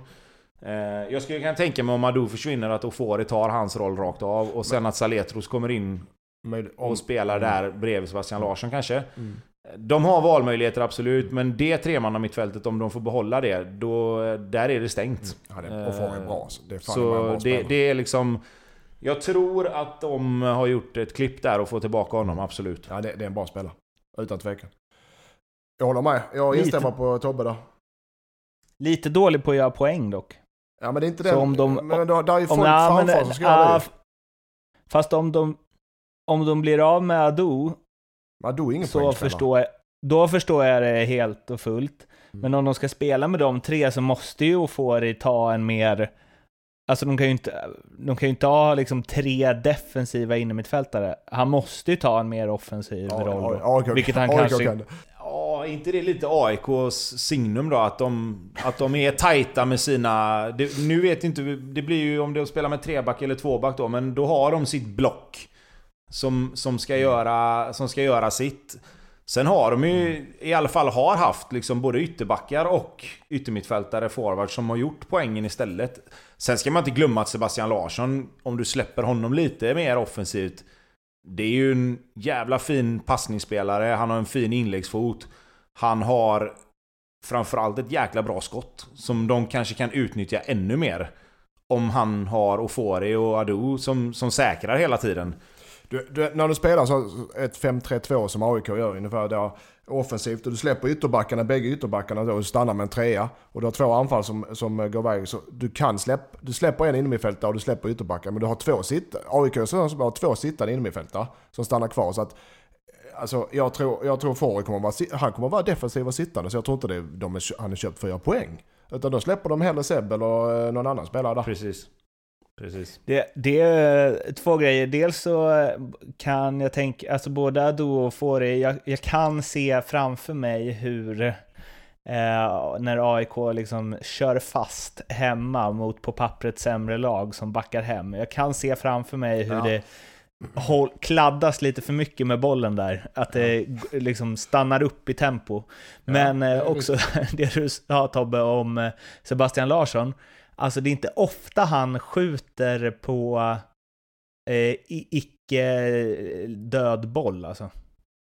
Nej, Eller så är det. Men, men, alltså- men, har han, men har han däremot Har han däremot två spelare som han vet bakom sig Täcker upp. och han får en lite mer fri roll kanske och, och kunna dra iväg lite. För jag menar Sebastian Larsson, är det någonting han kan så är det att täcka ytor både offensivt och defensivt. Han springer ju mer än vad många andra gör. Visst, han blir också äldre. Men för mig handlar det mer om att kanske ge Sebastian Larsson en annan roll i så fall. Att säga till honom att nu förväntar vi oss att du bidrar lite mer i anfallsspelet utifrån en lite mer offensiv roll i den här trean. Vi behöver lite fler mål, lite fler assist i själva spelet från dig. Då tror jag han löser Det hade varit, det, han löser- det, det det hade varit jävligt Han har- intressant att se alltså. Han har ändå, jag ska säga, det, han har ändå lite mål i sig. Han är inte helt oäven där. Med löpningar, straffområdet och det, du vet, det är inte, han utmanar trycken i krysset. Men kommer han in i straffområdet med sina löpningar, om du skär igenom ett helt, ja då, då är det lite Håkan Mild över den. Kan vara. Jo men han är ju det, han är ju bra i boxen när han kommer liksom bakifrån, men också att han har... Han borde ju, han, det jag menar med det, han borde ju skjuta mer. alltså, Men, ja. han borde ju så här liksom runt straffområdet där och ta lite liksom skott från distans. Det känns som han hade kunnat göra en del baljor på det. Men det kommer han att göra. Men jag tror återigen att det handlar om lite vilken roll han har också. Ha- Har han haft den rollen, har han haft den friheten innan att kunna göra så? Det är ju inte helt säkert. Eh, och jag tror att där har du då, sen, sen blir ju det här liksom också nu, skulle Ado försvinna då är det ju som du sa, det är ju Ja, det rätt jag som av. det. Jag vet inte vad jag från Och då är ju Eufori en ersättare rakt Ja. av. Och då är det klart att då kanske Sebastian Larsson får samma roll. Och så får du titta då om någon av de andra, Saletros, Rashidi eller vem det än är, som, som går in och tar ehm, den rollen i så fall. Men jag hade velat se, med de tre, så hade jag velat se Ado och Eufori sitta och så ge Sebastian Larsson, inte en tia-roll, men kanske i alla fall en box-box. Lite mer eh, fri roll och, och kunna dra iväg offensivt. Det var de tre namnen som vi lyfte lite extra för det finns ju eh, andra saker som inte har med eh, värvningar att göra eh, som har rört om lite under den här försäsongen och vi ska gå igenom dem punkt för punkt också. Och vi börjar hos en eh, Lasse Nilsson-favorit, men nu är han inte med längre och kan inte liksom försvara Astrid med eh, sitt liv som han har gjort tidigare. Eh, men det är kanske någon, jag vet inte om någon av er kommer göra det, men Astrid Ajdarevic eh, lackade ju ur på eh, först Kevin Walker och sen eh, Eh, på att han skulle spela back, tyckte Kim Bergstrand. Och då ifrågasatte Astrid det och eh, Bergstrand sa att ja, passar det inte så kan du gå härifrån, vilket Astrid gjorde. Ehm, det var ju media på plats på den här träningen, så det var ju intervjuer med Kim och det var intervjuer med Bosse och det var intervjuer med Kevin. Det var ingen intervju med, med Astrid som inte ville prata med Eh, Robert Laul var det väl, som ledde rapporteringen kring det här. Och eh, ja, sen det finns ju, det är lite som med träningsmatcher där. Vinner man träningsmatcher så betyder det något, förlorar man dem så betyder det inte något. Och här är det ju ena lägret, håller man på Djurgården, främst kanske, så tycker man att det är bra att det brinner till lite på träningar. Och eh, gör man inte det så skönjer man väl en oro här på något vänster. Och jag undrar förstås vad ni, vilken sida ni är på. Um, alltså det, det man ska komma ihåg är ju att vi har ju ingen aning om vad som har hänt innan, vad de har haft för snack och om han har fått någon motivering till varför han ska spela back. Uh, Ur personlig aspekt så hade jag också lackat ur om jag hade fått spela back på en träning om jag är offensiv mittfältare. Men man kanske hade valt att lufta det i ett annat forum. Det som är problemet lite grann för Astrid, tror jag, om man ska utgå ifrån och vara neutral, det är att han har ingen riktig buffert att hålla på så här. Med tanke på att det har varit lite... Det har ju varit lite rubriker. Han har inte varit... Eh, han har inte varit riktigt så bra som Djurgården kanske hade hoppats. Eh, att välja att ta en strid då med tränarna som precis har vunnit SM-guld i ett lag som har fungerat bra. Jag vet inte, man får välja sina strider lite. Eh, tycker jag. Man, man, jag landar någonstans i att med dagens klimat där det finns telefoner och sociala medier precis överallt. Så kan man inte göra så på en träning. För det blir mer frågor än, än, än vad man kanske vill hantera egentligen. Eh, så, så nej, jag tycker inte att man kan göra så. Sen återigen, jag förstår att man lackar om man får spela back när man inte är det. Men ta det bakom stängda dörrar. Ifrågasätt hellre då öga mot öga inne i omklädningsrummet så slipper du alla de här onödiga spekulationerna, frågorna. Eh, du slipper att fans någonstans ska få ytterligare saker att ifrågasätta kring just den här spelaren liksom. Det, det är väl det jag landade någonstans. Ja, jag, jag håller med. Det känns inte som att eh, spelarna i Eskilsminne kommer undan med det här. Nej, men alltså sen också... Jag har, haft, jag har också mina diskussioner, men, men vi har inga kameror, vi har ingen som kollar på träningar. Nej men så här är det, som, om man tar bägge vinklar, både som spelare och tränare, så att som det händer att man ibland är övertaliga på träningarna eller man har kanske eh, någon provspelare så då helt plötsligt eh, fem anfallare och du kan ha, du har obalans i truppen i en träning på något, av någon anledning. Och då har du eh, ibland för någon spelare eh, så här offra sig i det fallet. Okej, idag får du spela högerback för att vi, vi har två innermittfältare på provspel. Det kan vara, eh, vi säger den anledningen, nu vet jag inte anledningen men och i det fallet så, som tränare då så jag, jag är två SM-guldstränare så att, eh, men man får försöka kommunicera det innan träningen då att det är det, det här nu i 20 minuter och så bit ihop och gör det bästa och så får man ta det. Så kan man ju säga som tränare så slipper man den diskussionen. I Astrid, eh, nu var det tydligt att det inte var något sagt något eller hade Astrid inte lyssnat. I det här fallet så är det ganska tydligt tror jag att de är inte nöjda med Astrid och han är kanske inte nöjd med situationen. Och de verkar, de verkar ju Eh, jag, jag lite på Tobbe säger, ja, bit ihop under träningen. Antagligen handlade spelet om 20 minuter, en kvart. Jag tror inte det handlar om mer på en träning. Att bit ihop, gå in i omklädningsrummet till tränaren och säga varför spelar jag back på träning? Vad har jag, eh, vad har jag gjort fel eller vad ska jag göra eller vad bla bla bla. Och vill han bråka så gör man det i omklädningsrummet och inte ute på planen. Och så vill man då bort från klubben så får man ta det då.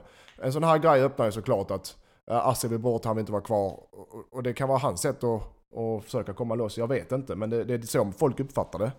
Jag tycker inte tränaren gör fel. Tränaren, eh, man kan kommunicera det innan träningen definitivt, tycker jag. Men att skicka bort en spelare från träningen för han inte vill göra det som tränaren säger, det är odiskutabelt. Det, du, alltså, gör det tränaren säger, även om du inte håller med. Sen kan du ta det efter. Så att det, det, det håller jag, där är jag på tränarens sida. Vad tror ni att eh, ja, Kim Bergstrand och Tolle tycker om Alltså jag tänker att vissa, vissa tränare är väl mer eh, slash mindre känsliga för sådana här eh, saker. Jag tror inte det är någon fara. Menar, man, man får ju prata igen som vuxna. Men när, så här är det. När man är igång, man har adrenalin och det pumpar och, och det är träning och det, det är puls, hög puls och allt för det. Och det är det även på tränare. Så, eh, och tränare ska kontrollera sig mer än spelare kan jag tycka. Så det är klart att man både säger saker man ångrar men så länge man kan prata om det efter för fan som vuxna människor. På planen kan det komma mycket skit från alla håll och kanter. Det är inte onaturligt. Men prata om det sen och ta det lugnt för fan. Bara för man eh, inte har samma åsikter fotbollsmässigt eller du har en tränare som bestämmer och tar ut ett lag så betyder det inte att man, man, man tycker illa om person eller man ska behandla folk illa. Där behandla folk med respekt så brukar det lösa sig. Sen bör man inte tycka, ja alltså det kan vara att de tycker att Astrid är en dålig spelare. Det kan ju vara så enkelt. Ja du är för dålig för att spela hos oss. Ja fine, då är det. Men det betyder inte att man tycker illa om varandra som människor. Så man måste, man måste separera de här grejerna. Proffsigt och behandla det proffsigt och väl. Sen, sen har du en aspekt till i det här att vi vet ju inte hur många gånger det här har nej, hänt när ingen nej, har sett. Nej. Alltså, det kan ju vara att han har lackat ur på träningen förut över vissa saker och, och ja. antagligen i privata samtal ja. eller inte. Det är ingenting som vi vet. Det här kan ju vara kulmen på en grej som har byggts upp både hos tränare och hos Astrid mm. under en längre tid. Mm. Som till slut blir att nu skiter jag i det här liksom. Ja. Och tränarna då, som i sin tur har försökt snacka med honom kanske, nu blir det spekulationer, men till slut så tröttnar ju de det, också. Det alltså, man, så, så är det ju. Alltså, ja. Till slut så kommer du till en gräns både som spelare och tränare att nu får det fan räcka ja, liksom. Ja. Jo, det är inte omöjligt att han, de, har, de är såklart de har suttit och pratat med Astrid många gånger om hans roll och hans beteende. Jag är helt övertygad om. Alltså, men, så det, det är klart att bägaren kan rinna över ibland åt båda håll. Men, men vad jag menar är att när det har lagt sig, prata som vuxna normala människor, lös det. Och det, det, det är så man gör ju. Så jag tycker man ska göra. Så där fick du det Mårten. Ja, jag tycker jag att det är tror, kul att tror, det händer något. Jag tror, ja, jag tror, ja. ja det är kul att det är kul för oss att det händer någonting. Jag tror eh, väl eh, inte att Astrid är, är just i en startelva just nu i varje fall. Nej. Och då tror jag att det kanske kan, det här kan hända fler gånger. Det kan det nog göra ja. Ja, eh, det är inte bara Astrid som eh, tjafsar, utan, eh, eller tjafsar, jo, han tjafsade. Eh, utan eh, även eh, Nikola Djurdjic eh, har haft lite träningsproblem. Det blir lätt så när man väljer att inte träna. Fast man har kontrakt med en klubb och det kom snabbt ut uppgifter på att Bayern då nobbat ett bud från en kinesisk klubb på Djurdjic och då lackade han ur. Eh, dagen efter var han dock tillbaka på träning. Eh, så kan man väl läsa in hur mycket det huvudet hängde och så på den träningen. Det är fritt för var och en att göra, men eh, ja, ingen supergrej kanske. Nej, det här med träningsvägrar, jag är ju moraliskt sett jävligt mot det. Jag tycker det är... är nu, nu förstår, jag förstår grundtanken, du vet, det är så mycket pengar det handlar om så att... eh, Och han är i den åldern, så att, men, men det, jag tycker det är respekt, alltså du har dina kompisar, laget och allt, du, allt, allt, allt. Alltså, jag vet att när jag spelade i HIF så var det sp- spelare, inga namn nämnda, som träningsvägrade. Just av sam, liknande skäl här, men det var det agenten som... Erik Edman. Nej, man tränings... eh, det var andra skäl. Men som ville bort, men som inte klubben. Men då är det agenten som sa till dem att eh, du håller dig borta från Olympia. Och då vissa spelare blir lättpåverkade, så jag vet inte vad agenten har sagt i detta fallet, men antagligen kommer det från det hållet. Och då är det tråkigt att, det, att, man, är, att man tar åt sig. Jag, eh, jag, nu, nu kröp han till korset och kommer tillbaka och tränar, så alltså nu verkar det lösa ändå. Men, men jag tycker det är tråkigt att det ska gå så jävla långt att man ska träningsvägra i en klubb där man har sina vänner. Jag vet att han har bra relation med Jeppe och klubben och allting och han gillar, han gillar att spela Hammarby. Att det ska gå så långt att man inte kan lösa det på ett annat sätt. Det tycker jag är tråkigt. Stefan Billborn kommenterade det med “Det var något kall på tråden. Det är fladdriga tider”. Ja, det är ett diplomatiskt eh, uttalande. eh, alltså, det, det som är... Det, som, det är ju som, det är som Lindström säger egentligen. Alltså, vad, vad vinner du på det i, i slutändan? Alltså, om, du, om du gör dig ovän med folk runt klubben så blir det ju knappast lättare för dig att få igenom din vilja. Utan det är lite samma sak som Astrid där. Alltså, fan, gör ditt jobb, gå dit, gör det du kan. Eh, är det så att han har träningsvägrat för att han lackar ur så är det ju liksom... Alltså någonstans så finns det ju en, som, som vi sa, det är ju en lojalitet gentemot dina polare och dina lagkamrater också. Alltså träningen blir ju inte lika bra som, som den skulle ha varit. Det kan ju bli att man får ändra på hela upplägget för att det fattas en spelare helt plötsligt. Eh, återigen då, om jag ska vara den som är lite återhållsam här nu i början så vet vi ju inte om han träningsvägrade för att han inte Nej, vi ville inte. träna liksom. Nej, Men det kan nej. ju ha varit att han Ja men träna inte idag för det börjar närma sig en lösning så riskera inte att bli skadad liksom. Ja, det i det, dialog det, med finns ju en det. sån, Ja, det ja. finns ju en sån bit i det och att kommunikationen sen gentemot tränarna inte har varit hundra. Eh, nu verkar det väl som att han bara sket i att att träna. Eh, men det, det, det är liksom... Det finns mycket, mycket aspekter i det där liksom, tycker jag. Eh, man ska inte dumma för snabbt även om ingen rök utan eld, men... Eh, i grund och botten så, fan, gör ditt jobb så du har ryggen fri själv. Ja. Så, så kommer det alltid och då, då kan du alltid stå där någonstans med, med gott samvete i, i slutet och säga att fan, jag har gjort mitt allt här. Jag har gjort allt jag har kunnat. Nu måste ni hjälpa mig här. Det, det är så mycket pengar i den här dealen att Fan, hjälp mig med det här nu så, så, så, så skiljs vi som vänner liksom. Istället för att du ska börja göra ovän med, med spelare och, och liksom... Det är, en, det är en marknad som någonstans är lite över allt annat också när det gäller när det gäller eh, det ekonomiska. Och jag tror att han, han är väl där någonstans, att han ser väl sin chans där och, och, och få komma iväg igen liksom. Det, det är ju, tyvärr gör ju pengar knasiga saker av folk. Men det är eh, det, är det som är oroligt, hade varit orolig om det här stämmer, är att när han gör det så kom, kan nästa göra det och sen nästa gör det om det är samma sits. Så har, det blir, kan bli ringa på vattnet, att det, det sprider sig. Det är, det är väl den absolut eh, sista spelaren som Hammarby vill ska göra sådär. Ja, Alltså ja, man ser fan, som är- ledare i är inte gruppen och så vidare. Den är, den är inte bra. All, för lagets Och- bästa. alltså. Där, där måste jag säga, alltså blir, du sa att du har varit med om det Lindström i HF, alltså Ja. blir man inte eh, alltså, Förbannad på sin lagkamrat. som Ja, det blir man. lagkamrat? Man blir förbannad på sin lagkamrat, det blir man. Ja, och, ja det blir man. Jag blev det.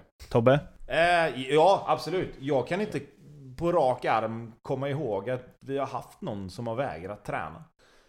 Eh, genom åren. Det, det har vi alldeles säkert, bara att jag har glömt av det nu. Men eh, jag kan inte komma på det just nu, vem det skulle kunna ha varit. Är det, är det inte så att när man, när man inte kommer på vem som är det så är, Så är det en Tobbe själv. Ja, han, han har varit i Kina själv där. Ja, precis. Nej, träningsvägrat eh, har jag aldrig gjort. Eh, Alltså vi ska köra beep-test idag. Nej, nej, nej, nej, nej, jag ska till Kina här, nu skiter vi i detta. Ja, nej, det kan jag aldrig... Det kan jag inte säga att jag har gjort. Alla har väl känt av en snuva mer eller mindre, beroende på vad som sker på Ja, träning. men då handlar det ju lite grann om... Där är du inne på en helt annan sak ju. Då handlar det ju lite grann också, som vi sa där innan, om att välja sina strider. Om han nu känner Ja. att han vill vägra träna. Då, jag säger inte att det är rätt, men om han ringer och sjukanmäler sig. Hur ska någon någonsin kunna kolla om han är sjuk eller inte? Har du inte Då får hört, de ju åka hem till honom och ta tempen på han i så fall. har du inte hört det med Langa då? Han gjorde det sist, det var ändå träningsvägar, men han ringde och, och sa att han inte kunde träna. Han, de hade lite struligt i Malmö imorgon då. Han ringde och sa att han inte kunde träna, för han var sjuk och hade mag, vet man hade gamla klassiker, ja, mag, eh. Ja. det ska man hålla sig bort. Sjuk och feber, diarré hela skiten och det var ju redan struligt så att läkaren i Malmö åkte hem till honom, ringde på dörren och så kom hans eh, flickvän och fru öppna. Eh, Åh nej, eh, Josef är sjuk, han ligger och sover. och läkaren stövlade rakt in, jag tror till och med någon tränare och sånt var med. Och då låg han ju, Langa låg i sängen. Och så drar de av täcket och ligger han där i full kostym. Jag har festkläder på sig. Han hade han precis, det sägs det här, det sägs, jag har inte uh, kött på benen riktigt. Men det, det sägs att det är en, eh, att det är en sann historia. Kolla aldrig en bra story. Kolla aldrig en bra story. Nu ringer vi Leo. Ja, Leopold. Tja! Tja! tjena Leo! Vilken, vilken... eh, Tjena. Nu, nu blir det dålig podd här igen, men vilken fin skjorta. Ja, tack. Vi kan ju beskriva den lite blommig och sådär. Kan vi inte säga. så lite heller. Nej. Exakt. Ganska mycket blommig. Du passar till växten som hänger på väggen. Ja, Det ser så ut som du sitter på ett eh, thailändskt eh, massagehus eh, där bakom alltså. Ett massageinstitut. Ja, tack. Är det bra med det? Har du haft det bra jul och nyår Leo? Ja, du, det låter som att du är nere i en riktig jävla bunker och grä- grävt ner och inte vill komma upp förrän... Då har, då har du inte hört Tobbe än. Nej, han lever också va? Han är på toaletten just nu så att... eh, Ja, han vill inte vara med i det här i sponsorinslaget. Precis. De stack, det ingår inte i hans avtal antagligen. Så Ja, vi får jag vänta. fattar. Jo, jag har haft det bra och sådär. Ja. Eh, jag tänkte, det finns ju inte så mycket att prata om tänkte jag. Ja, alltså det enda, det enda jag har gjort här under, eh, under vintern, det är att jag har lagt upp lite spelarspecialer på Allsvenskan. Ja. Det är det absolut enda jag har gjort. ja, det är som vanligt. Då.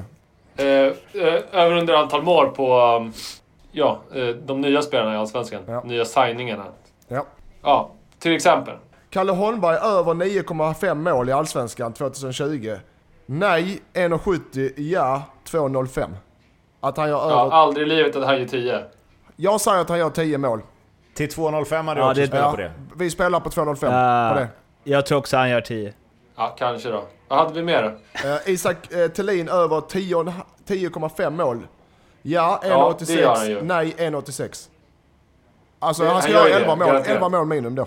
Nej. Nej, Nej, säger vi har jag. ändrat oss. Jag sa ja, men det är bara för att vilseleda där innan Leo när vi pratade om det här för några månader sedan. För att du är... Ja, Nej, är jag som tror, är. jag tror inte han gör 11 mål. Nej, jag tror inte jag heller. Det är för lång uh, uppstartsträcka och för dålig målskytte på den. Men du hade inte blivit bättre, Lindström? Ja, du men jag. jag ljög för det rakt upp i ansiktet så att den kunde stryka direkt. Nej, ja, vadå för bett? Nej, Vad, vad, vad var det för bett? Nej jag nu kommer, kommer du inte ihåg det så kan jag inte hjälpa dig Leo. Jag har ändrat mig i varje Ja. fall i bettet. Ja. Eh, han, gör, han gör inte det, han gör under 11 mål. Allsvenskan 2020, Hammarby att leda Allsvenskan den 27 maj. Det vill säga på sommaruppehållet då, innan sommaruppehållet. Ja, 3,50. Ja. det är den som är där. Nej, men det gör de inte heller. Vem leder då? Blir av med Djurdjic här. Jag tror heller inte de gör det nej. Fast, Jag har dålig koll på hur mycket eh, konstgräsmatcher de spelar på våren här. Det har ju en väldig betydelse skulle jag säga. ja, de spelar många ska sägas. Ja. Jättemånga, Det nästan alla till och är med. ju... Ja, men det är det som är själva grejen Ja, med det här spelet. Att Ja. de har ju typ bara konstgräsmatcher fram till uppehållet ju. Ja, spännande. Jag säger nej ändå, jag tror inte de leder Allsvenskan vid sommaruppehållet. Ja, det beror på lite. Det är ju både Tankovic och Djurdjic som kanske försvinner. äh, Som kanske försvinner. Ja. Det beror på Ska de lite. ersätta med den där Öysan också? Det går ju inte. Aj, nu tycker jag i och för sig han är bra, men... Eh, men jag tror... Tappar de Djurdjic och kanske även Tankovic Hammarby, då är det 17 om de leder Allsvenskan vid, vid uppehållet alltså. Det Nej. tror jag inte. Ja, Vi jag säger, håller med. Vi säger nej. Eh, Bra. och Fori att göra över 0,5 mål i Allsvenskan 2020. Ja. 1,50 på ja, 2,45 på nej. Ja, Ett han mål gör ju inget han. mål, men det Jo, är klart det gör han. AIK ska spela lite offensivare. Eh.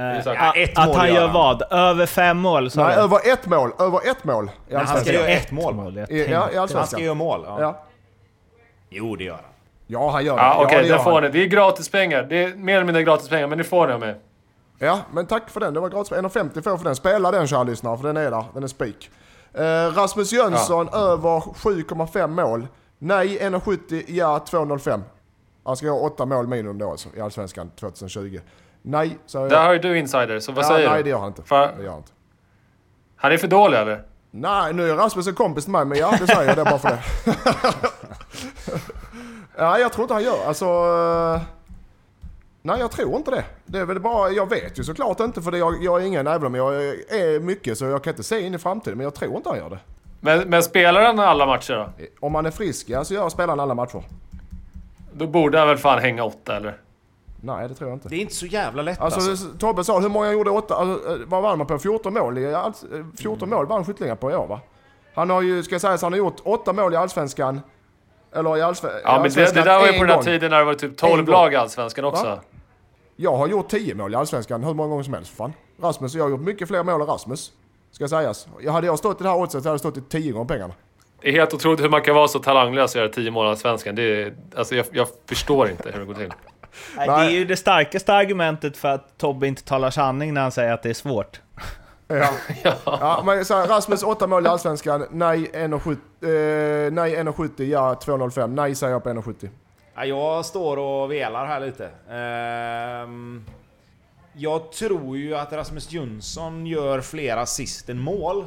Så att jag får ju säga nej då, för han gör ju inte åtta mål och åtta assist. Nej. Nej. Det tror jag inte. fair enough. Nej, Fan, jag gillar det sättet att komma fram till... Men vi är inte... Så ni båda, ni båda kör på nej där alltså? Ja, det tror jag ju då ju. Däremot så tror jag han kan komma upp i åtta assist. Det tror jag. Ja, den får du nog inte med. Vem, ja, vem ska han assistera då? Vad, vad finns det för annan målgörare? Det är det vi inte vet ännu.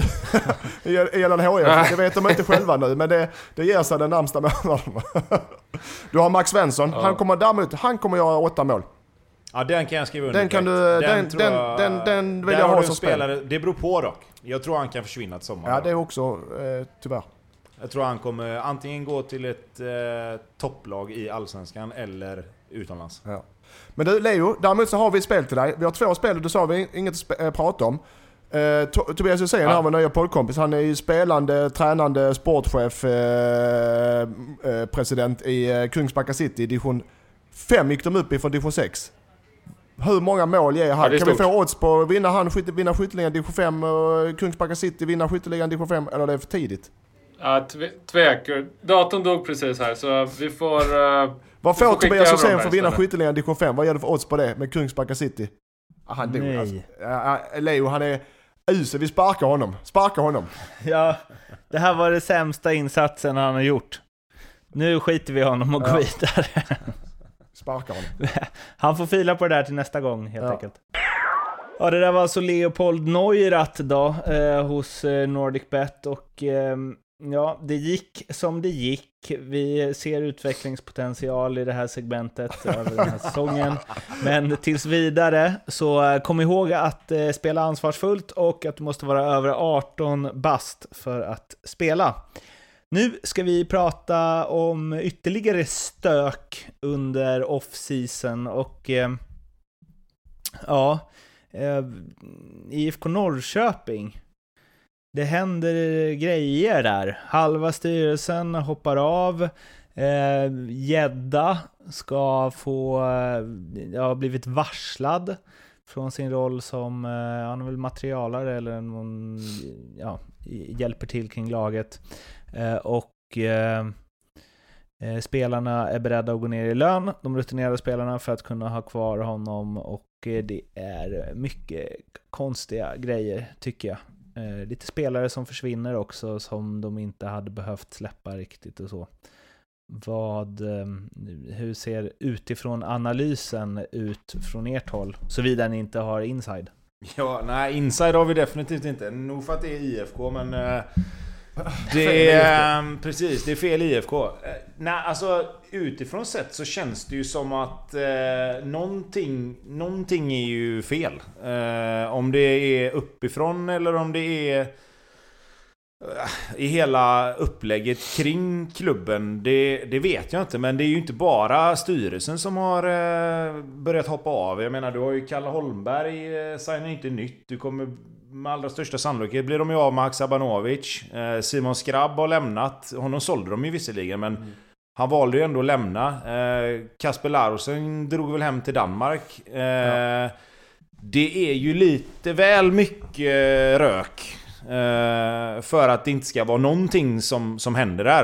Eh, sen exakt vad, det är ju extrema spekulationer i. Men Ja, vad, vad säger man? Det känns ju som att det, de går in i den här säsongen med lite halvstökigt stökigt runt sig.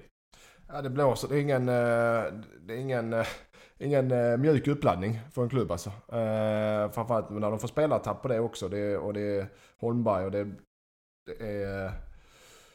Eh, jag vad sa du? Eh, Larsson. Ja, alltså Laursen, Skrabb, Skrabb ja. ja. Haksabanovic tappar de ju. Även om de visste det kanske Ja, så är det fortfarande en spelare Ja, som var jäkligt tongivande. På, på kort tid också. Ja.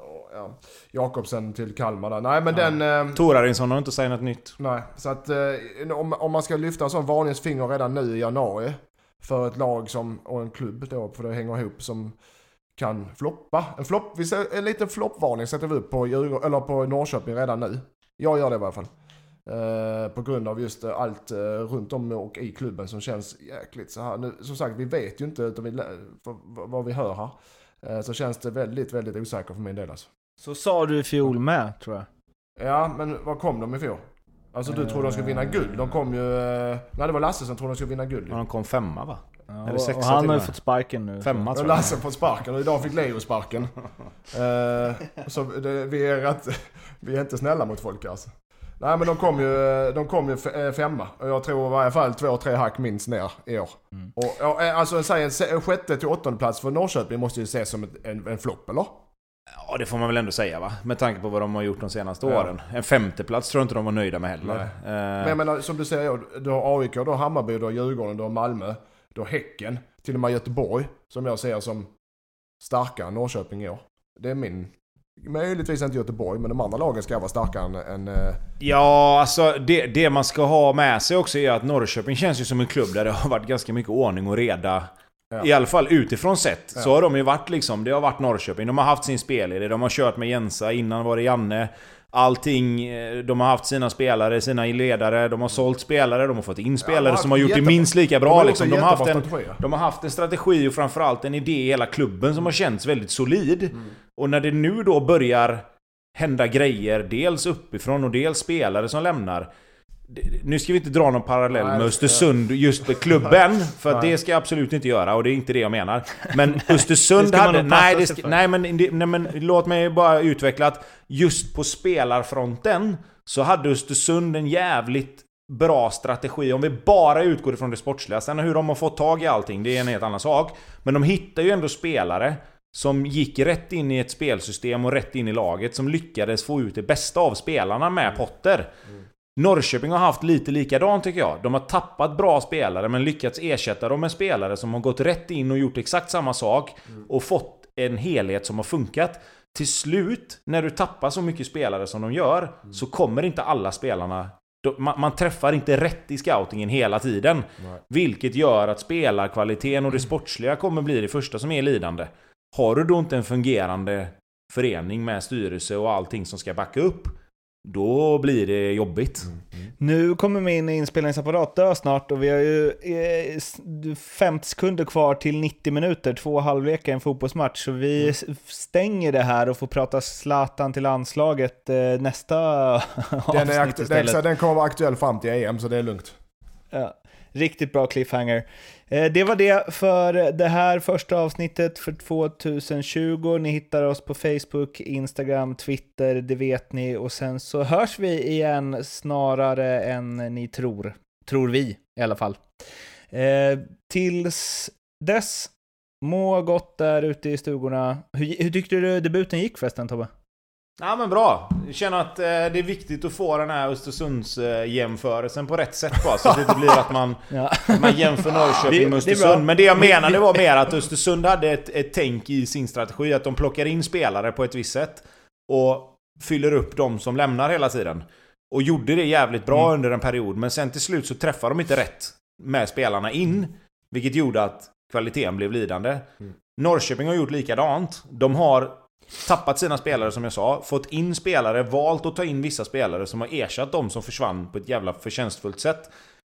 Nu är det väldigt många spelare som försvinner och de ska träffa rätt på alla de spelarna de tar in. Och det tror jag blir svårt om det är kaos i klubben i övrigt. Vi får se Vi- hur Vi är, kvällstidningarna vi är nöjda med det Tobbe. där. Vi är Nej, nöjda med Tobbe va? Ja, vi är nöjda med Tobbe idag va? På hans va? premiäravsnitt. Vad sa- Vi är nöjda Va? med premiär... Vi är nöjda med Ja. Tobbes premiäravsnitt va? ja. Vi ser väl om han är kvar nästa avsnitt helt enkelt. Ja, det kan också se. bli en cliffhanger.